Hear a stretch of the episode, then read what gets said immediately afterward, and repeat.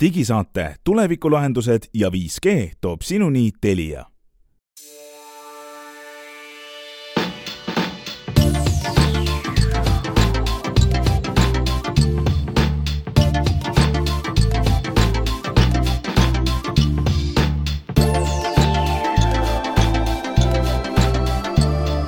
tere, head kuulajad, kuueteistkümnenda mai nimetu digisaade on teiega ja meie oleme Hans Lõugas ja Henrik Roonemaa ja meiega kolmandana liitunud Meelis Väljamäe.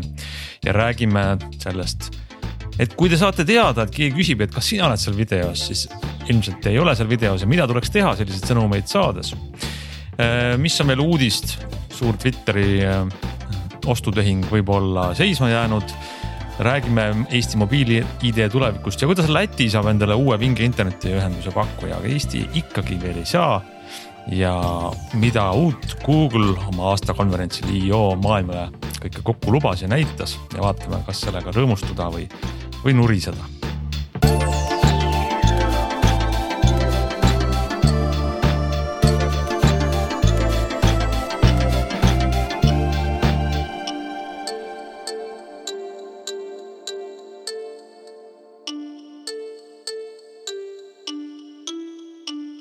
no Hans, kas sa oled siis videos või, või Meelis, teie, olete te juba, mina ei ole saanud seda sõnumit. ma vaatasin just üle ja ei paista mul ka ühtegi sellist. Ehm, Hans, kuidas sul on? ma kindlasti olen seal videos, aga ma sõnumeid ei ole saanud. oleme kõik seal videos, see oli järjekordne siis Facebooki viirus, mis äh, levis kulutulena mööda Eestit eelmisel nädalal ja jõudis ka suurte, suurematesse ja väiksematesse uudisteväljaannetesse.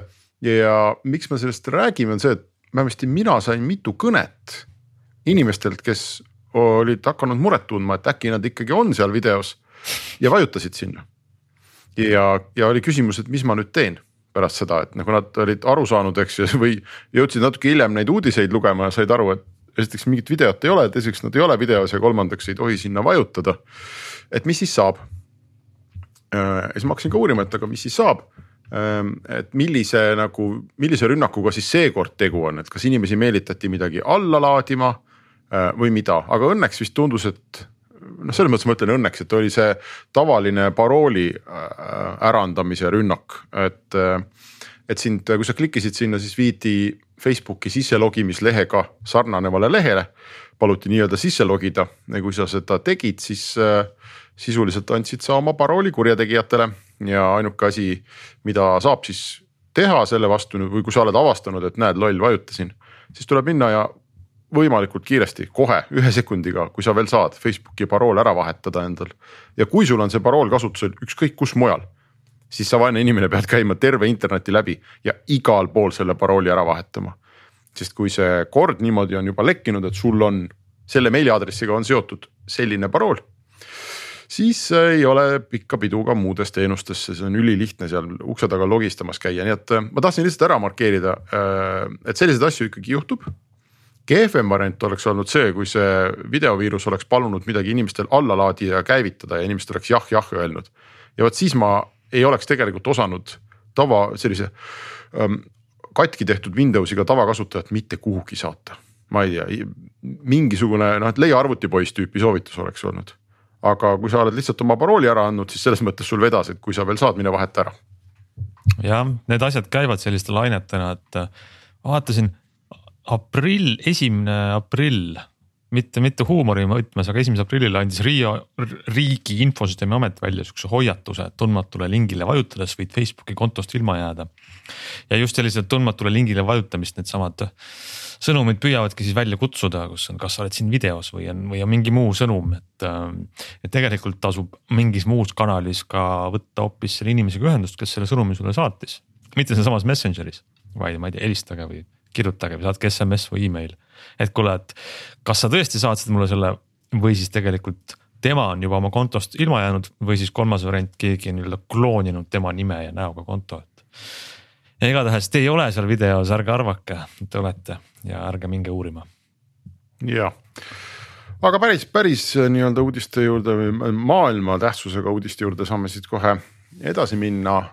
Mitu saadet oleme siin rääkinud, et suur internetiärimees, Tesla looja. Tegelikult Elon Musk ei ole muide Tesla asutaja, te teate seda lugu või? ta ostis Tesla ära vist, eks ole. Tesla ja, ja ostu-müügilepingusse läks kirja, et teda peab edaspidi nimetama Tesla kaasasutajaks. Kuigi tegelikult ta ei olnud üldse. Aga ta soovis endale seda tiitlit ja siis, aga ühesõnaga Tesla ninamees. Ta muide vist on kirjas ka, et ta on Tesla peainsener või chief engineer ja ta, ta tegelikult. ametinimetusi on niivõrd palju jah, et ja see on nagu Pipi Pikksuka eesnimed, et on tiitleid on väga palju. ei tea, kas ta nüüd tahtis saada ka Twitteri asutajaks. Jah, just. Igatahes, äh, mis oli huvitav, oli see, et see oli vist neljapäeval, kui ma õigesti mäletan või oli juba kolmapäeval, kui tuli uudis, et Twitteri tegevjuht äh, vallandas kaks äh, väga kõrget Twitteri sellist noh, kaks väga kõrgel positsioonil olevat enda, enda alluvat üks nendest oli muide seotud vist see nagu laienemisjuht või see, see sellise nagu ametikoha inimene. ja siis spekuleeriti, et miks ta seda teeb. Need kaks varianti, et ta tahab kas äh, uuele omanikule Elon Muskile meeldida ja noh, näitab ennast sellise otsusekindlana ja, ja loob siis juba korda selles Twitteris, mille suhtes ju Elon Musk oli väga kriitiline. või teine osa spekulatsioonist oli, et ta on haisu ninna saanud või et tal on infot, et see tehing ei lähe läbi ja seetõttu ta kasutab noh, nii-öelda sellist poliitilist vaakumit ja olukorda te tegemaks ettevõttes mingeid väga valusaid muudatusi või selliseid suuri muudatusi ja, ja reedel tuligi siis äh, uudisike, me salvestame seda reedel ja me ei tea, mis nädalavahetusel juhtub. aga reedene seis on see, et Elon Musk teatas, et tema paneb Twitteri ostu pausile ja ametlik põhjus on väga naljakas minu meelest äh,. Twitter nimelt teatas, et, et neid spämmi ja võltskontosid on viis protsenti nendel ja see oli siis piisav äh, avaldus Elon Musk'i jaoks, kes ütles, et vot selle, sellise jutu peale ma panen küll ostupausile ma päris täpselt ei saanud. ju uudis, eks ole, et see oli, see number oli nagu enam-vähem enne teada ju. Aga, aga ma ei saanud aru päris täpselt sellest seosest, et mis see, miks selle numbri nagu kuidagi avalikustamine nüüd siis, see peaks nagu pigem nagu hea uudis olema ju. no ütleme, Musk ütles, et tehing on ootel, kuni äh, selguvad täpne kalkulatsioon, mille järgi siis see viis protsenti või vähem kui viis protsenti võltskasutajad, et selline tulemuseni jõuti. ehk siis äh, noh, eks see natukene tegelikult ütleb selle tehingu väärtuse kohta mängib, et kui need üks pool ütleb, et tegelikult on spämmikontosid palju rohkem, siis peaks olema selle ettevõtte väärtus väiksem. teine tahab öelda, et neid on palju vähem ja me oleme kallimad, nii et äh, eks see on nagu sihuke kauplemine natukene. muidugi on ka võimalik see kogu see suur strateegiline võimalus, et äh, ega Elon Musk, Elon Musk sõidab nii-öelda sellise mis on Ameerika mägedel üles-alla kogu aeg ja, ja nüüd on jällegi see faas sõidust, kus on ah, et lööb käega ja ei tule midagi ja ei, ei huvi kaob ja nüüd leitakse põhjust taganemiseks. ja siis lõpuks ongi kaks nagu kaks sellist äh, võimalust, üks on see, et kas siis ajada Twitteri hind alla ja osta see ära uue hinnaga või siis äh, vastupidi, et kuna see uudis tõstis kohe kolaki kõvasti Tesla aktsiat, siis hoopis niipidi, et selle kogu selle tsirkuse eesmärk on see, et Tesla väärtust tõsta, et. no taustal on jah. sinna hoopis. taustal on kogu need börsiuudised. Twitter kukkus kakskümmend protsenti ja, ja Tesla tõusis kuus protsenti, ega see, see kõik on ka väga segane, aga Just võib-olla ta tahab see viis protsenti siis ostuhinnast maha saada näiteks, see võib olla selline tore läbirääkimiste avang, et ohoh, et te ütlete, et ma ei tea et, et viis protsenti on, et viis protsenti sellest, mida ma ostan, on, on mingi jama et võtame mm -hmm. siis mhm. viis protsenti maha või ma ei tea. Ehm, kuigi tegelikult eks see selline see suur spämmiga võitlemine oli ju Elon Musk'i üks noh, selliseid suuri lubadusi või põhjuseid, miks ta ametlikult vähemasti enda jutu järgi Twitterit tahtis osta et võib-olla siit teisest küljest selgub, et ei olegi nagu eriti midagi võidelda või ma ei tea. Ehm, ja teine asi, räägivad, käivad ka jutud või mingisugune klausel olevat Elon Musk'i ja Twitteri vahelises lepingus, et kui ta raha kokku ei saa, siis, siis äh, ta peab Twitterile miljardi maksma. Selline. Ehm, aga ma ei tea, kas see käib selle kohta, kui ta raha kokku ei saa või selle kohta, kui ta ümber mõtleb või noh, meie siin ei ole seda lepingut ju lugenud sellised äh, klauslid tavaliselt käivad kaasa, et noh, päris tühja juttu ikka ei aetakse, et kui sa nüüd ära hüppad, siis trahv tuleb maksta no aga ma arvan, et meie kasutame Twitterit edasi ja, ja ärme istu tooli serval oodates, et kohe tuleb edit nupp, mida, mida Elon Musk tahab siin teha. vaid et äh, see Ameerika mäed võivad siin veel tükk aega keerutada ringe. vaatame korra Eestisse ähm, uudisnupp, mida on oluline teada, mm, võib-olla väga suurt analüüsi siin ei olegi vaja teha, aga aga mobiil-ID jätkub sellisena, nagu ta, me oleme teda teadnud, seal teenus. Enese tuvastamise ja allkirjastamise teenus. teatavasti oli see kõik üsnagi õhus, sest et juulist pidi saama mobiil-ID leping läbi, eelmine aasta oli suur hange, kukkus läbi, millega üks rahvusvaheline pakkuja tuli. Belgia ettevõte tegi pakkumised teha mingi uus mobiil-ID, see jällegi ei vastanud siis riigi infosüsteemi ameti ja politsei ootustele. ja natuke oli nagu väga segane, et, et kui leping lõpeb suvest kas siis järsku üleöö kõik Eesti mobiil-ID need äh, lepingud lõpevad, katkevad, keegi üle ei võtagi, aga nüüd jõuti siis sama, sama vana hea SK-ga kokkuleppeni. ja vähemalt viis aastat sõidab rong samamoodi edasi, ehk siis kõik mobiil-ID teenused äh, äh, mobi,, mobiil-ID-d kehtivad, mis on väljastatud ma ei teagi, kas see on hea või halb uudis, sest et mõnes mõttes stabiilsus on ju hea, aga, aga teisest küljest minu jaoks isiklikult on mobiil-ID muutunud ikkagi sihukeseks äh, tagavara lisaturvalahenduseks, et ta ei ole kindlasti esimene autentimisvahend, mis ma kasutan, et Smart-ID on võtnud enamus neid äh, nii-öelda kasutusjuhti üle. sama ma olen siin kuskil korduvalt ka rääkinud sellest, miks see minu puhul nii on, aga aga no esiteks loomulikult see, et Smart-ID tegemine on kõvasti lihtsam ja minu arust ka see interface vähemalt Androidi peal on, on kõvasti mugavam kasutada, kui on äh,. ja kiirem ka kiirem ka, kõvasti kiirem jah, ja lisaks see, et mul saabki ta olla mitmes seadmes, eks ole, et see on, see on ka nagu ehm,. nüüd ma küll näen, et siin ka mobiil-ID-d saab mitu tükki olla, see on üks uuendusi, eks ole, et kui sul on mitu SIM-i, siis mitmes erinevas seadmes sa saad nagu. ühele isikukoodile nii-öelda saad, saad äh, tellida mitu mobiil-ID-d. Äh, vahe on siis selles, et iga, iga, iga, iga oma et... ilmselt maksad kuumaksu, eks ole siis. jah, esiteks kuumaks ja teiseks ikkagi selle hankimine on tüütu keeruline. kuigi ma saan aru, ta natukene lihtsamaks tehakse ka see, eks ole, et siin enam ei pea vist tingimata minema. ühesõnaga siin noh kirjutavad, et, et on, on tehtud lihtsamaks, aga mis puudutab seda eh, kehtivusaega, siis tegelikult ega see oli ka enne samamoodi, et need lepingud, mis praegu sõlmitakse, kehtivad ikkagi kehtivuse lõpuni, eks viis aastat on ju. just. et jah ühesõnaga selles mõttes ähm, võib täitsa rahulikult äh, magada, et kes on muretsenud, et kas ta mobiil-ID veel kehtib või ei kehti. no tegelikult äh, siin mobiil-ID olemasolu selline vajadus on tegelikult kahes kohas, et äh, mõningaid teenuseid vist riiklik on veel selliseid, mis Smart-ID-d ei toeta, ma aeg-ajalt satun selliste otsa. e-hääletamine? jah, kas võimalik, vist küll ja teine, ma olen kuskil mujal ka veel mingis porto riigiportaalis näinud, kuigi enamusel juba on. ja teine asi on see, et kui sul juhtub olema nuppudega telefon, mis ei ole nutitelefon, siis äh, mobiil-ID seal töötab ja Smart-ID mitte, eks ole. aga neid jääb ka ilmselt järjest vähemaks, äh, kasvõi tänu sellele, et kui Telia ja ilmselt ka siin teised operaatorid oma 5G välja lülitavad ja sunnivad inimest üle kasutama uuemaid telefone, siis see nii-öelda nuputelefonide kasutamine kindlasti väheneb selle käigus järgmine aasta kõvasti. nii, nii palju, kui seda veel üldse alles ongi. nojah, natuke ikka on jah mulle tundub, et äh, võib-olla sellest mobiil-ID kivist on võimalik natuke rohkem vett välja pigistada, et tegelikult ta on võrreldes Smart-ID-ga nagu eriline teenus, eks, sest Smart-ID aktiveerimiseks sul noh, põhimõtteliselt vaja kas äh, ID-kaarti või mobiil-ID-d. ja, ja näiteks on Eestis teenuseid, kus Smart-ID-ga allkirjastamine ei toimi Neid e-notar on üks, üks sellistest ja aga, aga on ka igasuguseid riigiteenuseid, kus äh, Smart-ID-ga näiteks sisse logimist ei ole, ei ole veel sisse viidud ja nii edasi.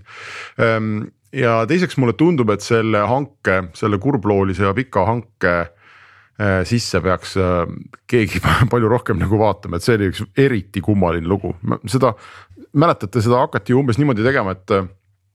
et Riigi Infosüsteemi Amet ütles, et me ei et me ei kuulutagi hanget välja, vaid umbes me arutame siin avalikult eh, igasugu pakkujatega, et mida üldse teha saab ja see oli mingi täitsa teistmoodi, teistmoodi asi kui tavaline riigihange. ja siis nad seda arutasid ja siis üks vist oli Hollandi firma, oli mäletad, Ants, kes keegi võitis selle, Belgia. ja, ja need kadusid ära ja siis ja, ja lõpuks ikkagi on siis äh, vana, vana hea peigmees, eks ole, selle SK näol tuleb ikka, ohkab ja tuleb nagu ikka välja ja võtabki selle viieaastase lepingu et, äh, et see protsess on, kui ma vaatan siis, kuidas nagu koroonatestide pärast äh, haridusministri mingit allkirja puuritakse ja uuritakse, eks, kui, kui oli vaja noh, selgelt nagu samal ajal koolid lahti teha, et äh, mulle tundub, et ei teeks paha, kui keegi natuke nagu prooviks inimkeeli ära seletada või sellele otsa vaadata, et mis, mis asi see nüüd siis oli, mis pagana protsess see nüüd siis kõik oli, et me läksime hankima mingit täiesti uue põlvkonna riiklikku identiteediteenust ja saime selle, saime põhimõtteliselt selle, mis, mis meil juba oli et kuidas me nüüd, kuidas nüüd ikkagi nii läks? midagi läks täitsa luhta jah, ja läks nad äh,. ma ei teagi, kas see nüüd hea või halb, et luhta läks, võib-olla kui tahetakse hirmsasti teha innovatsiooni, aga tegelikult ei ole selleks oskusi või raha või, või, või jällegi nägemust, mis see visioon, innovatsioon oleks, siis.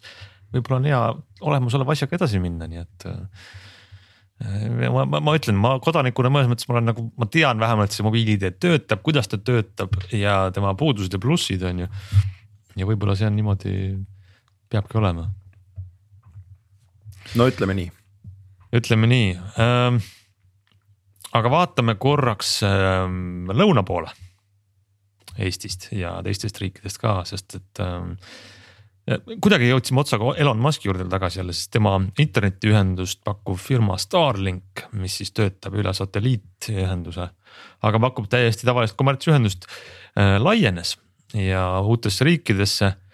ja Starlink ei laiene siis mitte nii-öelda riikhaaval, et, et võetakse üks riik ja selle territoorium on kaetud, vaid ikkagi puhtalt geograafilise mm, katvuse mõttes.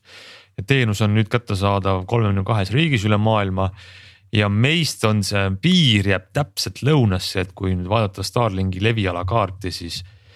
noh, ma ütlen, kui sa sõidad, ütleme rongiga Riiga, mulle tundub siis. rongiga, rongiga ei saa Riiga, kuule kas ei saa Valgast, Valkast rongiga? vot ja selle ma jään võlgu, selle ja. vastuse, Tallinnast. Eestis, jah Tallinnast ei saa, aga ütleme, hakkad Eesti lõunapiirilt minema, siis seal üks hetk jõuad selle Starlinki levialasse. nii et lätlastel on olemas siis nüüd tagavaraühendus, kui vaja, vähemalt osal lätlastel saab Starlinki kasutada. Äh, ja, ja see piir jooksebki niimoodi geograafiliselt ähm, läbi siis Euroopas selle, selle osa ehk näiteks see Põhja-Läti ja, ja Eesti ja Skandinaavia on sealt väljas, aga näiteks nüüd Taani ja enamus äh, Suurbritanniast on, on levialas sees. Kas see on nüüd elumuutev äh, uudis nendele piirkondadele või inimestele seal piirkondades, no ilmselt üldiselt ei ole, sest see Starlink on kallis, eks.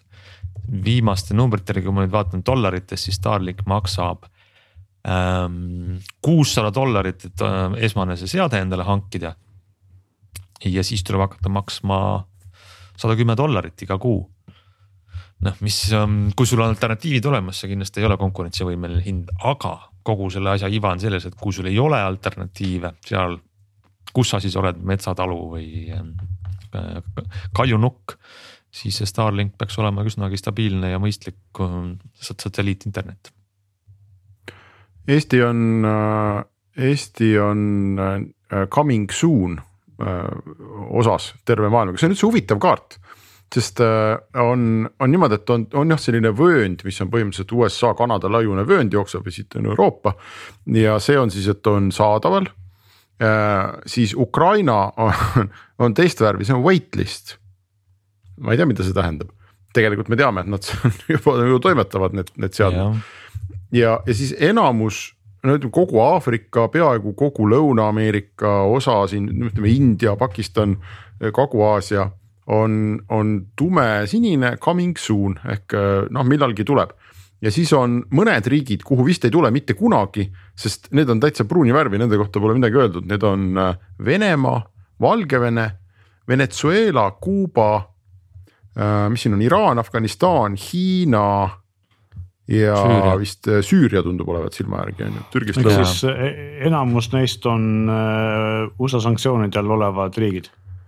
Kus äri. jaa, ilmselt küll jah ja,. just mm. -hmm nii et meie siin oleme ilmselt selles coming soon'is, aga, aga see sõltub, mulle tundub Eesti puhul see sõltubki täpselt sellest, et kuhu ta oma selle satelliidirivi nagu sätib.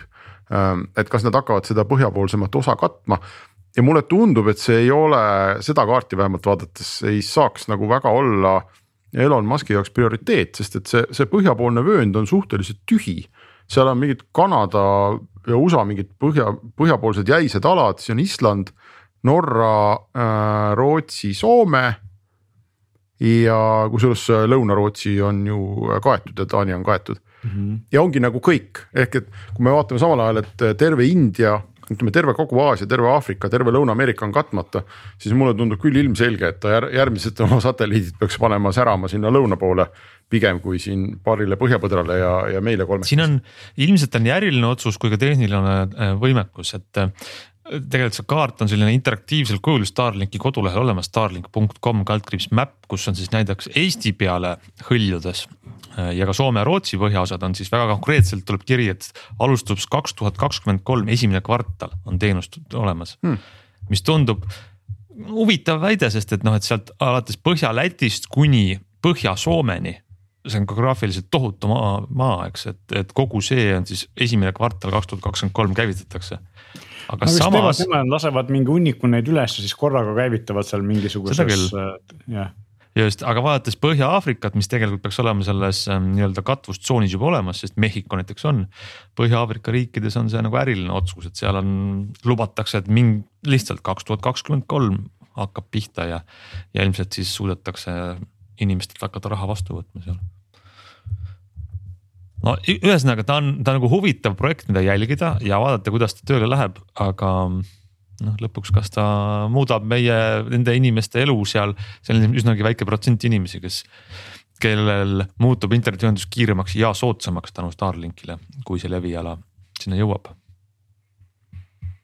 mina sain ja. muide oma koduselt mobiilioperaatorilt, operaatorilt väga kena emaili mm, just eelmisel nädalal kus nad ütlesid, et äh, seoses igasugu põhjustega, aga eelkõige seoses muidugi sellega, et nad tahavad mulle paremat teenust pakkuda, tõstavad nad hinda ja ma ei pea mitte midagi tegema see, see ja, ja ütlesin, nad panid juurde mingeid kõneminuteid äh, mulle paketti, mida ma tõenäoliselt noh, niikuinii vist ära ei tarbi või vähemasti ma pole kunagi selle piirini jõudnud.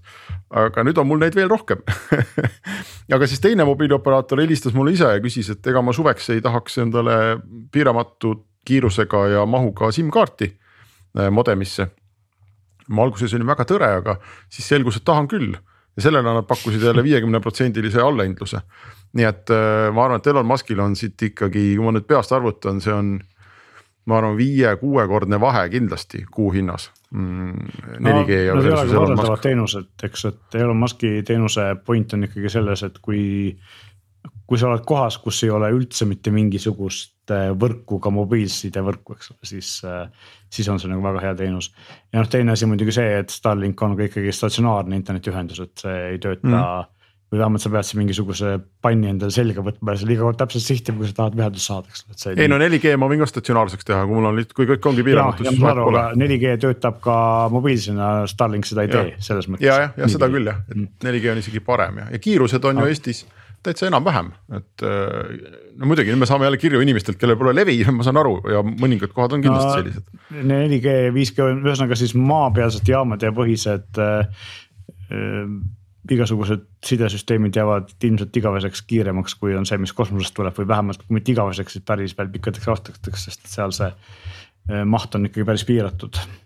isegi no. siis, kui neid satelliite sinna tuhandeid üles saata seda küll, aga ma ja, vaatan tegelikult... just, et äh, Starlinkil on ikkagi teatud konkurentsieelis nende selliste olukordade katmisel on, et nende mediaan allalaadimiskiirus jääb ikka saja megabitti juurde, mis on täitsa korralik, ütleme. no aga noh, sellepärast ilmselt laienemise ka aeg, sest nad tahavad säilitada mingisuguse aktsepteeritava teenuse kvaliteedi, eks ole, et nad ei saa ennast päris ribadeks tõmmata, et nad tahavad, et nende kliendid oleks rahul. ja see teenus oleks reaalselt nagu kasulik, aga noh, tegelikult ega ka Starlink pole ainus, sest neid konkureerivaid sarnaseid asju on, tuleb ka teisi, lihtsalt äh, Starlink on esimene ja kõige kiiremini nii-öelda opera-, opereerima hakanud nendest kosmose interneti pakkujatest, aga, aga neid tuleb ju veel. muide, siia kõrvale on sobilik ära märkida, et äh, praeguseks ajaks ehk siis reede õhtuks on esimese 5G sagedusloa hind Eestis kerkinud nelja koma kolme miljoni euroni. kas ikka veel kestab või? See esimest pole ka veel välja antud, saad aru. Nad saja tuhande, kolm korda päevas äh, saab pakkumisi vist teha, kui ma siit õigesti välja loen ja siis nad äh, nüüd saja tuhande võrra vaikselt tiksuvad siin kõik edasi, et hetkel me oleme jõudnud äh, jah, nelja koma kolmeni alghind oli üks koma kuus, et ma ei tea, kas me aasta lõpuks saame esimese välja tiksutatud esimese litsentsi, et vaatame, kaua siis närvid operaatoritel vastu peavad. Siin on äh, selle Starlinki puhul on huvitav see, et ka üsna suur osa äh, USA ida, lääne idarannikust ikkagi jah, on, on kuni keskpaigani on äh, järgmisel aastal saabuv, mitte siis hetkel aktiivne olev. et ähm,, et sihuke tumedam laik. see võtab veel aega jah. jah, isegi seal ei ole veel täielikult saadaval millel võivad olla ka mingid pigem võib-olla poliitilised kui tehnilised põhjused äkki, aga seda me ei tea. selge, aga vaatame, mida veel võiks ära mainida viimastest päevadest uudiseid ja Google. Google, Google, Google vedas oma aastakonverentsi input, output läks sisse-välja või siis IO on nende aastakonverentsi nimi. Ja tahaks alustada ikkagi positiivsega. Ehm, mitte sellest, et ei olnud midagi uut, aga Google eh, võib-olla, mis nad väikse sellise üllatusklipi eh, viskasid või väikse kondi puremiseks ehm, nende oma uutest prillidest, mis on täielikult ehm, kuidas öelda, mitte eksisteeriv toode, seda ei saa osta, selle kohta ei ole midagi teada, aga nad näitasid, kuidas siis nende nägemuses nende uued prillid, millel isegi on toote nime, see ei ole Google Glass mingi uus versioon. prillid töötavad niimoodi, et siis naine, kes oli Hiina päritolu ameeriklanna, aga tema ema rääkis hiina keelt ja ta ise ei osanud hiina keelt ja siis ta sai need prillid, pani ette. ja siis, kui ema rääkis, siis ema näo kõrvale õhku ilmus siis subtiitrid ehk siis Google Translate reaalajas ja need prillid siis suudavad seda tõlketeksti kuvada sinna peale. Ehk siis tundub nagu monofunktsionaalne Google Glass, mis näevad välja nagu tavalised prillid. ja see missioon või see probleem, mida nad lahendavad, on noh, selles mõttes, oh, ma ei tea, inimtsivilisatsiooni ajaloos kõige tähtsam on ju, see on väga ammu, me ei saa üksteisest aru ja siis saame. ja väga kihvt kõik ja, ja mulle väga meeldis see video ja väga tore. ainus, ainus aga siin on, et, et see oli lihtsalt üks video ja kas selline asi kunagi ka päriselt ähm, on kasutatav, on, seisab peas äh,, aku peab, vajab internetiühendust, maksab midagi, mis on inimestel taskukohane, et see kõik on siin on väga palju agasid ja esimene aga ongi see, et tegelikult äh, toodet äh, ei ole, eks ole, tegemist ongi siukse kontseptsiooniga.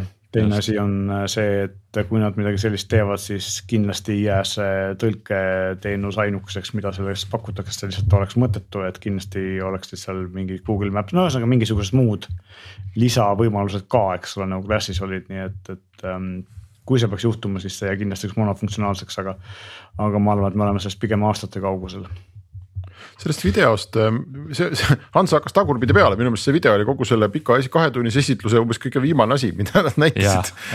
aga see oli tõesti põnev ja, ja seal on mitu nagu huvitavat momenti, et esiteks minu meelest ei olnud sellest videost või kas ma eksin, ei olnud nagu aru saada, et kas need prillid, mis nägid välja nagu tavalised prillid ja mida nad mm -hmm. istutasid inimeste ninale, kas need olidki nagu ikkagi päriselt töötav toode või oli see lihtsalt selline plastmassist noh mulaaž, eks, et nad ütlesid, et näe, hakkab olema umbes selline ja kogu see, et neil tegelikult oli kuidagi see teistmoodi, mina päris täpselt ei saanud aru no,. ma ei tea, kas teie saite?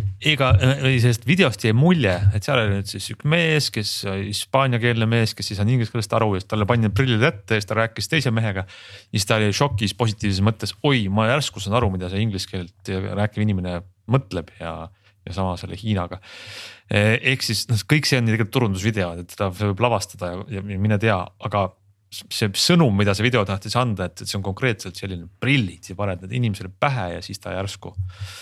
Prillid teevadki seda, kuulavad, töötlevad kuvavad. ja, aga vaata, seda on, ütleme seda unistust, noh, see ei ole iseenesest mingi uus mõte, eks, et meil on nagu tavalised prillid ja noh, me saame nendega midagi kasulikku teha, et, et tõlkida sinna või jumal teab bussiaegu näidata või Google Maps'i juhendeid või.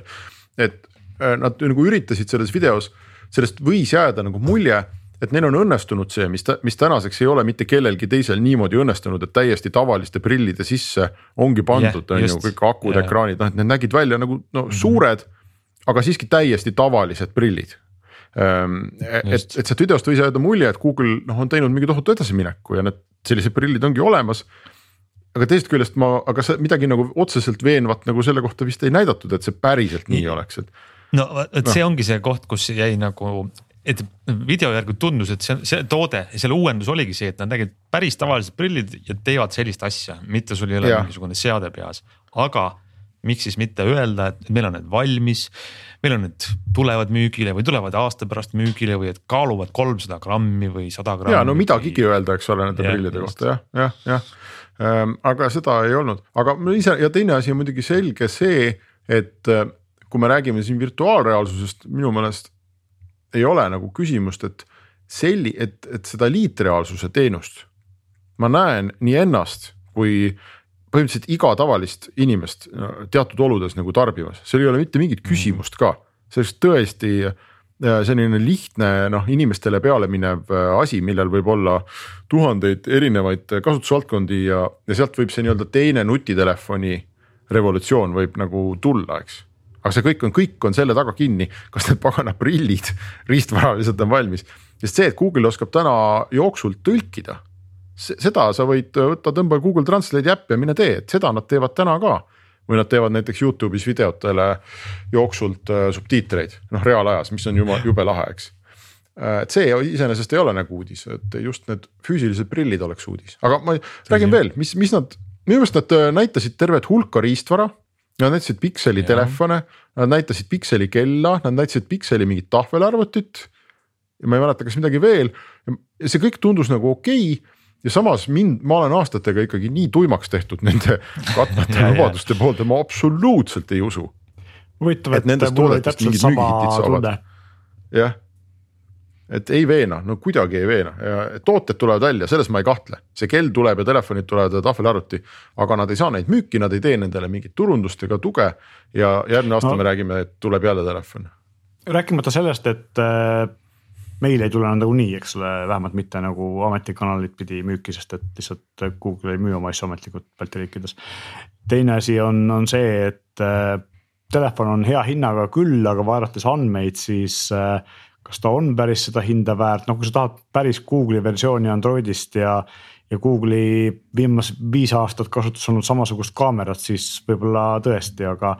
aga ta ei ole nii palju odavam kui see tavaline Pixel kuus, ehk siis see vahe on mingi umbes sada eurot, kuna Pixel kuus on nüüd praegu soodushinnaga müügil. millest sa nüüd räägid, kuus A-st? ma räägin kuus A-st jah, et see on nelisada nelisada viiskümmend üheksa eurot, mis ametlik hind minu teada Google'i soovituslik hind ja, ja kuu, tavaline kuus, mis on siis kõvasti parema kaameraga, on viis üheksa üheksa, aga, aga tegelikult saab odavamalt, nii et. et see vahe on liiga väike lihtsalt minu arust selleks, et, et kui sa just ei taha tõesti väga väikest äh, ekraani, sest seal on väiksem ekraan, kõik muu.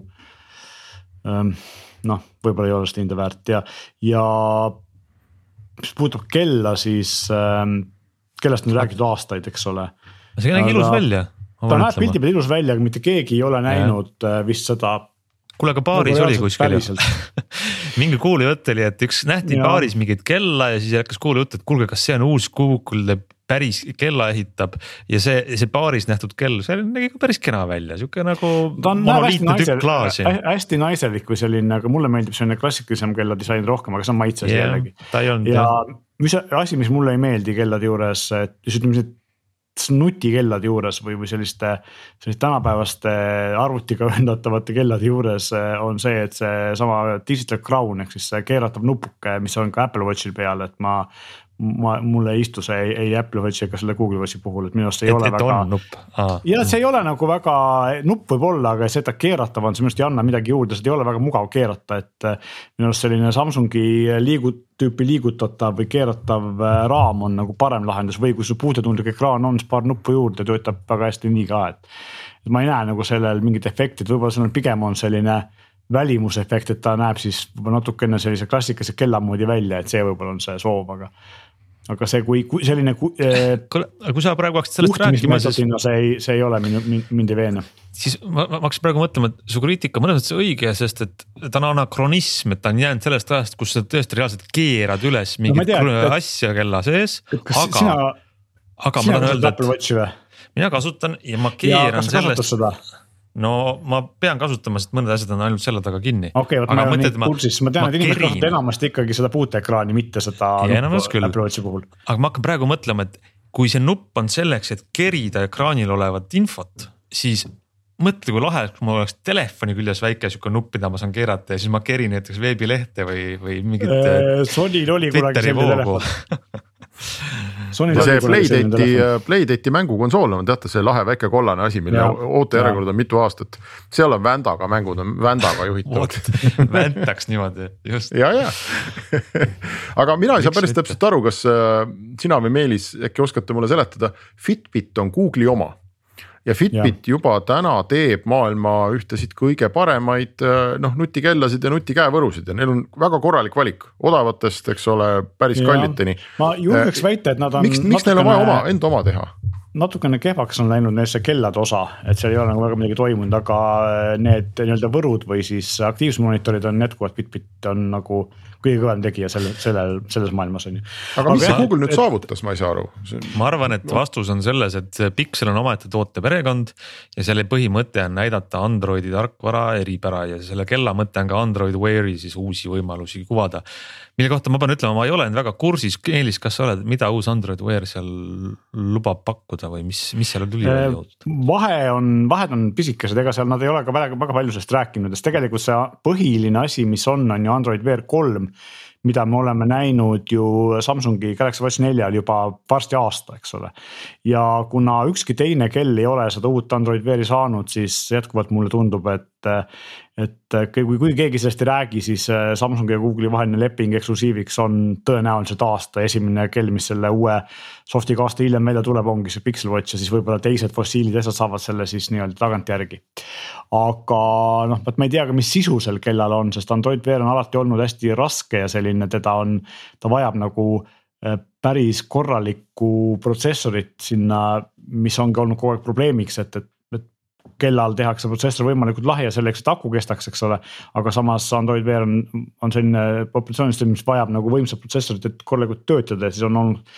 on olnud probleemiks see, et ta ei ole väga sujuv ja selline ja Samsungi eeliseks ongi see, et kui kõik teised peavad äh, seni on pidanud äh, kasutama Qualcomm'i suhteliselt vana protsessorit kellades, Samsung tegi ise ja suudab sinna panna ka natuke rohkem RAM-i, siis Samsungi kella peal töötab see väga hästi, eks ole, ja teine asi on see, miks eh, siis Android või Google ja Samsung teevad ühte kapipant kellades ja Dysoni ja Android Wear'i kokkupanek oligi see, et Samsung suutis teha ka natukene eh, siis selliseid eh, kergemaid äppe, eks ole, või see platvorm oli, oli natuke lihtsam, aga noh, põhimõtteliselt on see, et siis tegelikult tal on Samsungi eelised ja Google'i vana Android Wear'i äppide valik, ehk siis see äppide valik on parem, kui Samsungil enne oli ja samas äh, ta natukene kergem sellele rauale, kui ta varem oli, aga. aga noh, jah, mina ei tea, et, et eks me näe, et selles mõttes mõnes mõttes oleks nagu ma ootan seda aega, kui tuleks lisaks sellele Samsung kellale nüüd siis ka Google'i kellele ka rohkem konkurente selle uue, uue soft'iga, mis tegelikult ei ole enam väga uus, mis on peaaegu aasta vana. Äh, Rick ütles küll, Rick Rostelo siis äh, see Google'i hardware'i riistvara boss ütles seal kella näidates, et, et seal on natukene teisi uuendusi ka, aga ta ei täpsustanud, mis seal on, siis me lähimate kuude jooksul räägime sellest lähemalt, oli siis see konkreetne tsitaat. aga nad olid teinud mingi veidra, veidra integratsiooni Fitbitiga et see Google'i kell nagu mingeid juppe kasutab Fitbitist ja, ja vist on, ma ei saanudki aru, kas sul peab see Fitbiti konto vist seal nagu eraldi olema, et nad ei tohi neid andmeid kokku tõsta, kuna andmed on. ja see on jah, selle liitumise tingimuseks. mingi õudne, õudne jama ja Fitbiti teenus on tegelikult ju tasuline. see maksab päris, päris mitu eurot äh, iga kuu, nii et. no see... tegelikult, eks vaata Fitbitil on ka lisaks sellele, et, et seal on see teenus on, on Fitbitil ju tegelikult ikkagi palju sellist IP-d ja know-how'd äh, selleks, kuidas nagu nii-öelda spordikella teha ja Google see osa on alati nõrk olnud, et.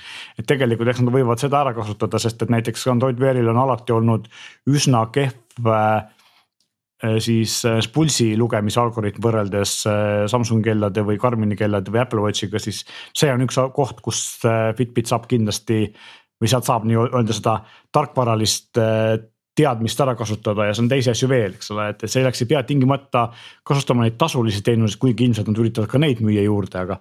aga tegelikult saab seda Fitbiti poolt loodud tarkvarabaasi saab ära kasutada ka muud moodi.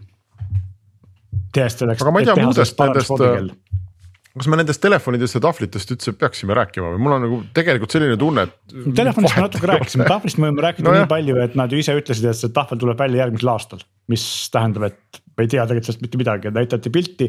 pilt oli väga odava tahvli pilt, et juba käivad mingid spekulatsioonid, et see võib olla siis selline odav Androidi tahvel. asi. konkureerimaks Apple'i ja Amazoniga, eks ole.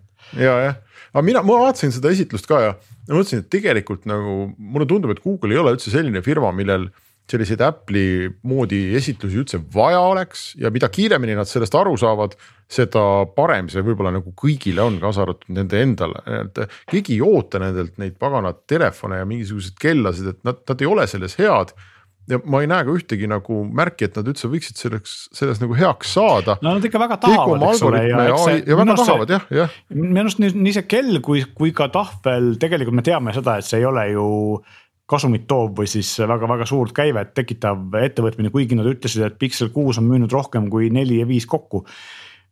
mis väga palju ei tähenda, sest et noh. no ühe ikkagi... asemel müüdi kolm noh. just, aga, aga teistpidi on see, et nii Watch kui, kui tahvel on selline fanservice rohkem, et on teatav hulk väga häälekat kogukonda, kes väga seda nõuavad ja siis noh, eks need nõudmised tuleb ära rahuldada, eks ole, kasvõi sellepärast. võib-olla see on üldse nende enda töötajatele tehtud mingi jah. no see on nagu kunagi oli, miks see Pixli eelkäija oli Nexus, eks ole, et telefoni, mis oli tehtud nagu arendamiseks ja siis natuke müüdi ka, et, et võib-olla samamoodi. aga, aga lihtsalt vaata on. see, mina ikka ootaks, et, et see Google'i riistvara osa oleks nagu midagi enamat, noh, ühtegi kõlarit me ka uut ei näinud, eks ole, ühtegi mingit sellist, sellist nagu tegelikult olulist ja ägedat äh, uudist me sealt ju väga ei saanud vaat ja ühest küljest ma taht-, tahtsingi nagu öelda, et tegelegu sellega, mis on nende, nende valdkond, milles nad on head, aga seal on see mure see, et need asjad on suhteliselt igavad mis on see, mis, milles nad on head, reklaamiturg, reklaamiäri eh, Ab? absoluutselt ja, ja näiteks ja. jah, aga nad on head näiteks ka eh, noh, suhteliselt pommikindlate online teenuste rajamisel ja käitamisel ähm,. Youtube no., Google Drive, Gmail, see on kümme aastat rohkem täiesti usaldusväärsed, eks ole, miljonid, miljonid inimesed kasutavad. no teame, tegelikult et, ka seal no, nad ei saa ju väga hästi selles mõttes hakkama, et nad saavad hakkama küll tehniliselt, aga mitte selle müügiga, sest Google Drive on ikkagi väga noh, väga-väga väikse turuosaga võrd-, võrreldes Microsofti Azure'i või Amazoni äh, mis iganes see.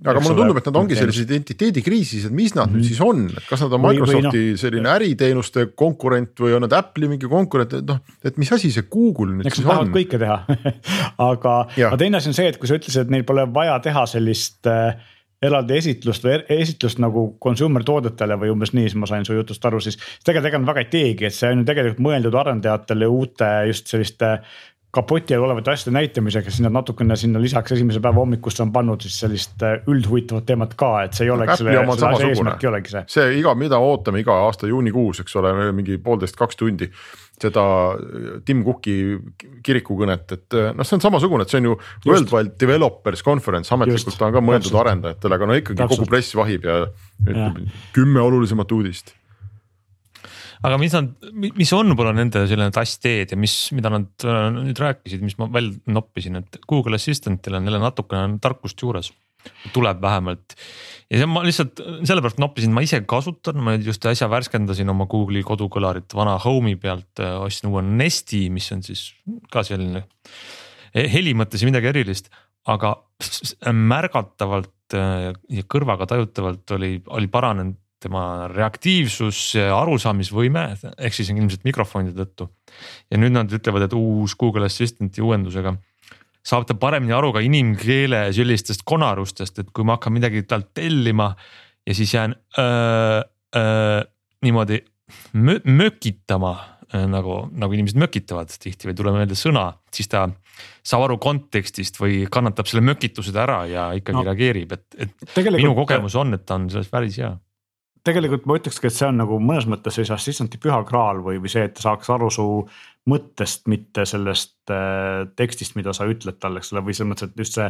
see konteksti äh,, context awareness, konteksti tundlikkus oleks nüüd parem ja selle koha pealt on nad praegu ikkagi suhteliselt äh, kehvad kõik ja see. see oleks väga suur hüpe edasi, aga see on samas ka asi mida ma tahaks näha, enne kui ma usun, sest et Google on lubanud sarnaseid asju varemgi, mida me tegelikult lõpuks pole kunagi saanud ja nad pole ainsad ja noh, samamoodi ma, ma jätkuvalt julgeks öelda, et me oleme, tundub, et me oleme saanud, saavutanud selle assistant'ite erinevate siis äh, nutikuses oleme jõudnud mingisuguse seinani, kust me nagu läbi murda ei suuda, et minu arust ei ole ei Google Assistant'il ega Amazoni Alexal ega Siril toimunud juba mingi vähemalt kolm aastat mingit tohutut suuremat hüpet. ei tea, mulle tundub, et äh, Google seda üritab ja neil on ka ütleme vahendeid. ega siis nad nagu, nad viskavad sinna kõvasti raha ja annet, aga, aga tundub, et seal on kuskil mingisugune koht, kus on väga lihtsalt, kus ei ole enam lihtne edasi minna, ütleme siis niimoodi. mul on tunne, et Google on, tal on vahendid, kuidas seda saavutada, et noh, kasvõi seesama Assistant'i näide on see, et et mis on siis kaameraga see koduabiline, mis on vist Google Nest Hub äh, ehk siis ta vaatab, kes see inimene räägib ja ütleme, kodus on, elab mitu inimest, saab aru, et see inimene kasutab seda teenust või temal on need märkmed mida siis teine inimene, teine pereliige ei, ei peaks nägema või et ta personaliseerib lisaanduriga, et sa põhimõtteliselt näotuvastus on kaameras. teine asi, sul on nutikodus seadmed, sa tuled tuppa ja, ja sa ei pea enam ütlema, et Google, kuule, kuule Google, pane tuled põlema, vaid sa ütled lihtsalt, et pane tuled põlema, sest ta juba teab mm., et sa oled sisse astunud just. Ja see kõik see muidugi toimub. pisike aga oluline asi, eks ole no need väiksed, väikeste lisa selliste nippidega püüda seda assistant'i veel targemaks teha. viimane asi, mida mina mäletan. ma tahan öelda seda, et millel see alati on selline väike nagu kaup minul kui kasutajal, et iga asi, millega see assistent muutub targemaks, ma tegelikult annan natuke oma privaatsust ära. mul pidevalt üks kaamera, mis mind filmib, niikuinii on mikrofonid mul on kodus. siis on mul kõik, ütleme, ma ei tea, kodu välisuks, seadmed, kõik on ühendatud sellesse ühte samasse võrgustikku Äh, aga see on see hind, millega see assistent muutub targemaks. jah, et äh, viimane asi, mis mulle nagu silma jäi, ma mäletan, oli siis, kui tuli äh, Google Pixel, Pixel Pro, eks ole, sügisel. siis dikteerimine ehk siis teksti, kõnest teksti tegemine offline, eks ainult telefoni jõul oli läinud palju targemaks ja siiamaani ta teeb seda ju pilves on ju, ka teistel seadmetel. on natuke aeglane, aga ka see oli nagu minu arust selline väga väike, aga samas kvalitatiivselt tohutu hüpe mugavuse suunas mm. -hmm. veidi teevad selliseid asju. aga ma tahaks rohkem no alati, me tahame kõik ja kiiremini ja varem ja paremini. just, aga ma ütlen et noh, minu, mulle tundub lihtsalt, see ei ole nagu ainult Google'i probleem, vaid see on mingi üldine probleem, mille otsa on, oleme me sattunud, et me oleme jõudnud mingi tasemeni, kust edasiminek vajab mingit järgmist suurt läbimurret, mida me veel ei ole teinud. võib-olla nii on Sony aga äh, räägib muutust Sony klappidest ka või, või on kellelgi veel Google'i midagi olulist hingel, kui ei ole, siis. kohe, kohe ei tule pähe. Sony kaks siis VH tuhat X. siis, nüüd siis M5 ja, ja on siis see suurepärase toote nimega Sony lipulaev kõrvaklapid, kõige paremad kõrvaklapid üldse, mis neil on juhtmevabad, juhtmevabad müra summutavad klapid ja M5 on siis uusim väljalase jah, M4-de järglane.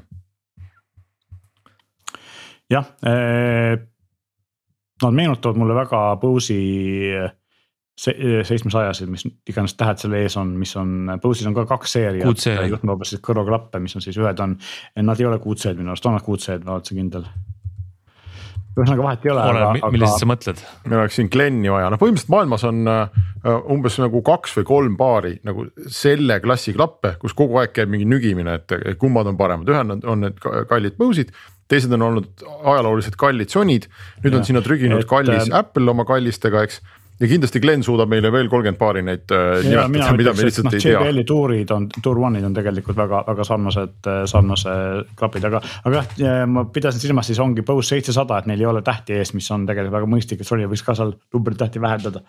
aga nad on siis sellised äh, ümarama selle ümber pea käiva võruosaga, mis on võib-olla natuke stiilsemad kui teised ja natukene kitsamad näevad välja, meenutavad võib-olla natuke rohkem AirPods Max, eks ole, aga. aga selle hinnaks on siis see, et nad ei käi enam sama väikseks kokku, kui käisid eelmised MX1-st kuni neljani.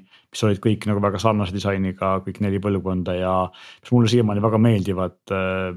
ja tuleb välja, et, et nüüd, kus see XM5 on turule tulnud, siis XM4-d jäävad jätkuvalt müügile nende hind isegi ei ole praegu veel pakkunud, nii et. et sa tead samamoodi nagu Bose'il on siis seitsesada selline stiilne mudel ja siis kuutsada nelikümmend viis selline klassikalise disainiga mudel on kõrvuti turul, siis ka Sonyl on nüüd kaks mudelit kõrvuti turul. et äh, saab valida siis uuema ja võib-olla ägedama disainiga mudeli ja sellise vana klassikalise mudeli, mis võib-olla sobib paremini reisimiseks, kuna ta on äh, paremini kokku pandav vot ise ei ole nüüd proovinud, aga põhiline, mida, mida lugeda on nendelt inimestelt, kes on proovinud ja juba, juba teste kirjutavad Nad ütlevad, et äh, ega muidu väga suurt vahet ei ole, aga et mikrofonid pidid kõvasti paremad olema ja, ja, ja noh, endiselt selline kaugkoostöö või kaugkoosolekute ajastul, see on väga suur argument. mina olen äh, kirjutanud sellest lausa ühe artikli teemal, kuidas, ilmselt ma olen äkki ka siin saates sellest rääkinud, äh, kuidas viimase aasta jooksul on hüppeliselt kasvanud kõrvaklappide mikrofonide kvaliteet. et kui vanasti oli nii-öelda in-ear või pisikeste klappide mikrofonide kvaliteet oli ikka päris õnnetu. ja väga tihti juhtus see, et kui sa pidasid koosolekut kuskil Teams'is või Skype'is või, või Zoom'is öelda, et kuule, ma ei saa aru, mida sa räägid, eks ole. siis äh, nüüd on ilmselt jõudnud see aeg ikkagi sinnamaani, et tänu sellele äh, pandeemial ja kodukontoritele oli see väga vajalik, et klapid, äh, kõrva, klapid ja mikrofonid läheksid paremaks. Ja tegelikult päris tükk aega ei olnudki nagu väikestest peale AirPods'ide midagi nagu võtta, millel oleks päriselt Eh, korraliku kvaliteediga mikrofoni, mitte et AirPodsi mikrofonid nagu ideaalsed oleks, nad olid ikkagi kõvasti paremad kui teised, et ma tean, mina olen siin. AirPodse kõvasti kritiseerinud, kuna mulle ei meeldi see disain ja, ja, ja see, kuidas nad kõrvas istusid Eesti esimesed, aga. jätkuvalt ma saan öelda, et tol hetkel, kui esimesed AirPodsid turule tulid, siis nende mikrofon oli ikkagi peajagu üle enamuses konkurentidest, väikestest klappidest. siis äh, nüüd on siin viimase aasta jooksul on tegelikult plahvatuslikud uutel Samsungitel on väga head mikrofonid, uutel kallimatel JBL-idel on väga head mikrofonid ja näiteks ka ähm, Jabra odavatel, isegi Jabra Elite kolmedel, mis on, on, kus on kuuekümne, no seitsmekümne, kaheksakümne euro juures. nii odavatel klappidel, nii et mikrit mina pole veel kuulnud, loomulikult ei ole samal tasemel kui, kui kahesaja eurostel. Aga siiski ja täpselt sama on juhtunud ka suurtel, et nendel samadel JBL Tour One idel on, on väga head mikrid ja Airbus Maxidel on loomulikult väga head mikrid, eks ole, et, et see on, see on trend vot see on huvitav jah, et samas me siin äh, räägime kõik äh, noh, päris mikrofonidesse, eks ja, ja hetkel meil kellelgi ei ole mingit super kallist mikrofoni ees, et mm. ma arvan, ma meeldis sinu oma väga hästi ei näe, aga ma arvan, et seda, selle hinda saab päris ka lugeda. päris odav on see. pigem kümnet, kümnetes eurodes, mitte sadades ta oli juba, ta oli viis aastat tagasi või rohkem kui viis aastat tagasi oli ta mingi viiskümmend eurot, nii et jah, seda. jah, et meil see saade on endiselt tegemata ja see, kuna Glen Glen muudkui tellib mikrofone mingi jama. ma sain aru, et me jah, me vist ka jagasime talle mingeid mikrofone, nii et äh, varsti saab see saate ära teha. et, äh, et ma arvan, et, et noh, kui iganes head need äh, sinna kõrvaklappidesse sisse ehitatud mikrofonid ei ole, et noh kui sul on vähegi mingi püsiv koht, kus sa oma koosolekuid pead, siis see on ikkagi parem, kui sul on nina all midagi, millest rääkida. Absoluutselt, teine asi on see, et noh, väga paljud inimesed viitsivad osta eraldi veel selleks mingit mikrofoni, eks ole, ja. ja teine asi on see, et kui me räägime, me räägime siin tegelikult, me ei tohi unustada, me räägime juhtmevabadest klappidest, ehk siis äh, see tuleb mängu ka see et seal on Bluetoothi ja siis erinevad koodekid ja reeglina aegade algusest peale on olnud kõne jaoks kasutatud koodekid kõvasti kehvemad kui muusikas kasutavad koodekid ja. ja seda on ka parandatud siin läbi aegade noh, järjest, järjest paremaks on läinud, et ka see, see osa tegelikult muutub, et. Apple on seal teinud kõvasti tööd ja Qualcomm on teinud seal kõvasti tööd, nii et seal ähm, noh, see on mitme, koosneb mitmest osast, eks ole, et see ei ole ainult see, et mikrofonid peaks paremad olema, vaid ka see. kuidas seda mikrofoni poolt kinnivõetavat signaali edastatakse, on väga suur osa sellest ja, aga ühesõnaga on, äh, tegelikult see on jah huvitav, et nad on ikkagi teatud nagu mitmes mõttes teinud oma klapid nagu kehvemaks kui need eelkäijad, eks, et. mina lugesin. ei käi kokku ku... ja, ja on kallimad, noh näiteks. vaatasin, vaatasin Youtube'is äh, Marques Brownlee äh, tehtud ülevaadet ja tema ütles, et, et see on nagu kaks sammu edasi, üks samm tagasi, mina ütleks nagu üks samm edasi, kaks sammu tagasi, et. et natuke liiga palju kompromisse, aga samas kui nendele, kes on nagu nende kompromissidega rahul. ja tahavad neid eeliseid, mida nad saavad, ehk siis jällegi parem mürasummutus kui varem, eks ole. Eh, mis on Sonyl nagu kogu aeg olnud, iga uus mudel teeb mürasummutuse veel paremaks, mis on neil niigi nagu üks parimaid, kohati isegi kõige parem. ja natukene parem heli, et kui eelmisel oli, võis bass olla natuke mudane, siis praegu on see bass nagu konkreetsemaks muudetud. aga samas ei ole muudetud asju, mis, mida nagu mina oleks lootnud näha, ju siis ei ole ikkagi võimalik, sest kiip on täpselt sama sees, mis oli eelmises XM4-s. ja näiteks see, et kui ma kasutan LDAC koodekit, mis on siis see Sony enda ja Androidis saadaolev ähm, lossless või, või väga vähe pakitud helikoodeks, siis selle juures ma ei saa kasutada ei multipoint'i ehk siis kahe seadme korraga ühenduses olla. ega ka equalizer'it ja see häirib mind jätkuvalt väga et seal ei ole muudatusi ja konkurents jah, just nende suurte klappide alal ju üldse, üldse klappide alal läheb nagu iga tunniga mulle tundub suuremaks, et. Läheb, aga seal on ka nagu see, et on ikkagi neli, viis, kuus suurt tegijat, kes võtavad sellest turust suurema osa. siis on mhm. tohutu hunnik väga odavaid asju, millest noh, väga keeruline on mingeid häid välja valida, sest et kes teab, neid peab testima ja siis proovima. ja siis on terve hulk selliseid klassikalisi klapitootjaid, kes ka üritavad midagi teha ja vahest õnnestuvad päris hästi, aga neil kipuvad ka hinnad olema kohati päris kallid, no me räägime Sennheiserist, audiotehnikast ja muudest sellistest, eks ole, kes on. aga vaata, siin tuleb eriti, eriti nende Sony klappide puhul tuleb ka ikkagi väga selgelt välja see, et ega klapp ei ole mingi vorst, mis nädalaga halvaks läheb ja tuleb noh ära tarbida ja siis nädala aja pärast uus vorst osta ja, ja. et, et noh, kui sa ostad korra need klapid ära, siis isegi seal Bluetoothi arengus me oleme täna jõudnud nii kaugele, et et noh, iga aasta, iga paari aasta tagant isegi tegelikult ei ole nagu otsest vajadust millegi järele, eks alati võiks olla parem, aga ma arvan, et need, need klapid on piisavalt head täna ja need, needsamad XM4-d ka minul on kodus äh, või siiamaani alles küll natukene kannatus on sahtlis, praegu on XM2-d ja minu arust väga head siiamaani, eks ole. no just ja mul on, mul on kodus äh, minu vanune, peaaegu minu vanune võimendi. noh, ja minu arust on see väga hea, on ju, et. no kui me räägime nii-öelda klassikalisest tehnikast, äh, kõlaritest eriti, eks ole, siis seal need ei vanane praktiliselt üldse, eks ole. ja, aga mis nende klappidega on, et ma saan just. aru, kui me nagu vahetasime Bluetoothi perekondi siin väga tihti, eks ole, kogu aeg läks paremaks, et noh siis, siis oli ja. nagu mõtet asjal, aga, aga, aga mingil hetkel tuleb see nagu lagi vastu ja mulle tundub, et XM4-dega selleks otstarbeks, milleks nad mõeldud on, ehk noh, mitte viimase nüüd kvaliteedi särtsu kättesaamiseks muusikast, selle, nad ei ole selle jaoks mõeldud et nad on piisavalt head ja nii ongi. on ja, ja noh, kaks asja, mida tegelikult tasuks öelda, kui valida klappe, siis kaks asja, mis ühel tänapäevastel klappidel peavad, peab olema. üks on laadimiseks USB-C pesa ja teine on ühenduseks Bluetooth viis, sest et Bluetooth viis annab äh, veidi parema helikvaliteedi ja kõvasti parema ühenduse kvaliteedi, ehk siis levib kaugemale, on vähem äh, sellist äh, hakkimist ja nii edasi, nii et need on kaks asja, mida peaks vaatama ja tänapäevastel klappidel, mis on viimase aasta jooksul turule tulnud, siis on eranditult kõigil on nii. nii Bluetooth viis, see, mis see viis punkt üks, kaks, kolm, see ei ole enam tähtis, peaasi see viiega algaks on ju. nii on, kas me jõuame täna mulle tundub, et mul täna on õige hetk öelda, et äh, on kõvasti arutatud. Äh, meil on häid lugeja, kuulaja kirju. Äh, on ja, ja, ma lubasin Võtan... ära õiendada, sa tuletasid mulle ise Aha. meelde, ma küll kibelesin juba, mõtlesin, et meil on saateaeg täis, aga teeme selle ära, siis on tehtud mm, -hmm. nimelt ma eelmises saates rääkisin, Meelis, sind vist ei olnud, Gleniga arutasime ähm,. kuidas ma panin Facebook Marketplace'i äh, kaupa müüki ja siis ilmusid välja mingid inimesed Londonist äh, või Londoni lähistelt, kes äh, tõenäoliselt Google Translate'i kaudu minuga suhtlesid ja, ja tahtsid õudselt minu MacBook'i ära osta odavama hinna eest ja, ja, ja siis see mõte oli, küsimus oli, et mis, et kas see on nagu, kas nad päriselt tahtsid või see on mingi pettus ja kirjutas meile mitu inimest selle peale. Äh, Kristo näiteks kirjutas, et tema suhtles äh, veidi pikemalt nende Inglismaalt pärit ostjatega, ta müüs iPhone'i ja nad ikkagi skeemitavad, prooviti mitmed kontolt. ja välja näeb see sedasi, et äh, üsna lahkelt on nad nõus kuulutuses oleva hinna tasuma ja kuni sada euri lisaks transpordikuludeks Inglismaale nagu hüvitama. küsivad siis su panga andmeid e, emaili ja sulle tuleb siis postkasti justkui mingi kinnitus selle ostja pangast, et tema kontolt on see summa sulle teele pandud. ja, ja et see asi siis lõpuni läheks, palub ostja, et ma paneks oma telefoni nende poole teele ja saadaks tracking numbri. siis kantakse kohe raha ka ja noh, siis tõenäoliselt sa mingit raha sealt kunagi ei saagi. ja et see panga kinnitus olevat ka olnud üsna nagu kahtlane, et selline õngitsusvärk.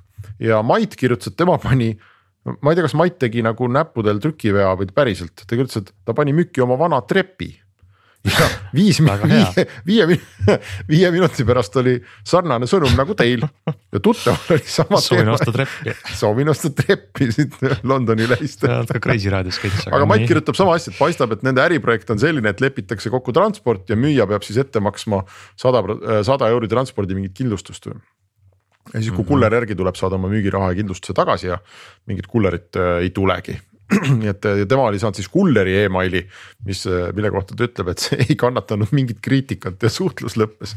ja ühtlasi ta ütleb, et meil on mõnusad saated ja et me jätkaks samas vaimus. mina, mina ei ole kunagi kasutanud Facebook Marketplace'i, mulle on see kogu aeg tundunud sihuke kummaline platvorm, ma ei ole isegi vaadanud seda ja ma olen isegi üritanud osta sealt midagi, et ma olen jätkuvalt vanakooli Osta.ee ja hinnavahetuse kasutaja selle koha pealt. sa saad oma trepi kätte siis Osta.ee eest jah? Nojah, et, et ma, ma tahtsin küsida, kas see on nagu märgatavalt parem platvorm, on see parem müüa või mis, mis on selle nagu point, eriti Eesti tingimustes? tead, ta on ju kuidagi lihtsam. Äh, e, number üks on see, et minu teada Osta.ee võtab kellegi käest vähemalt raha, ma ei ole seal jube ammu midagi müünud.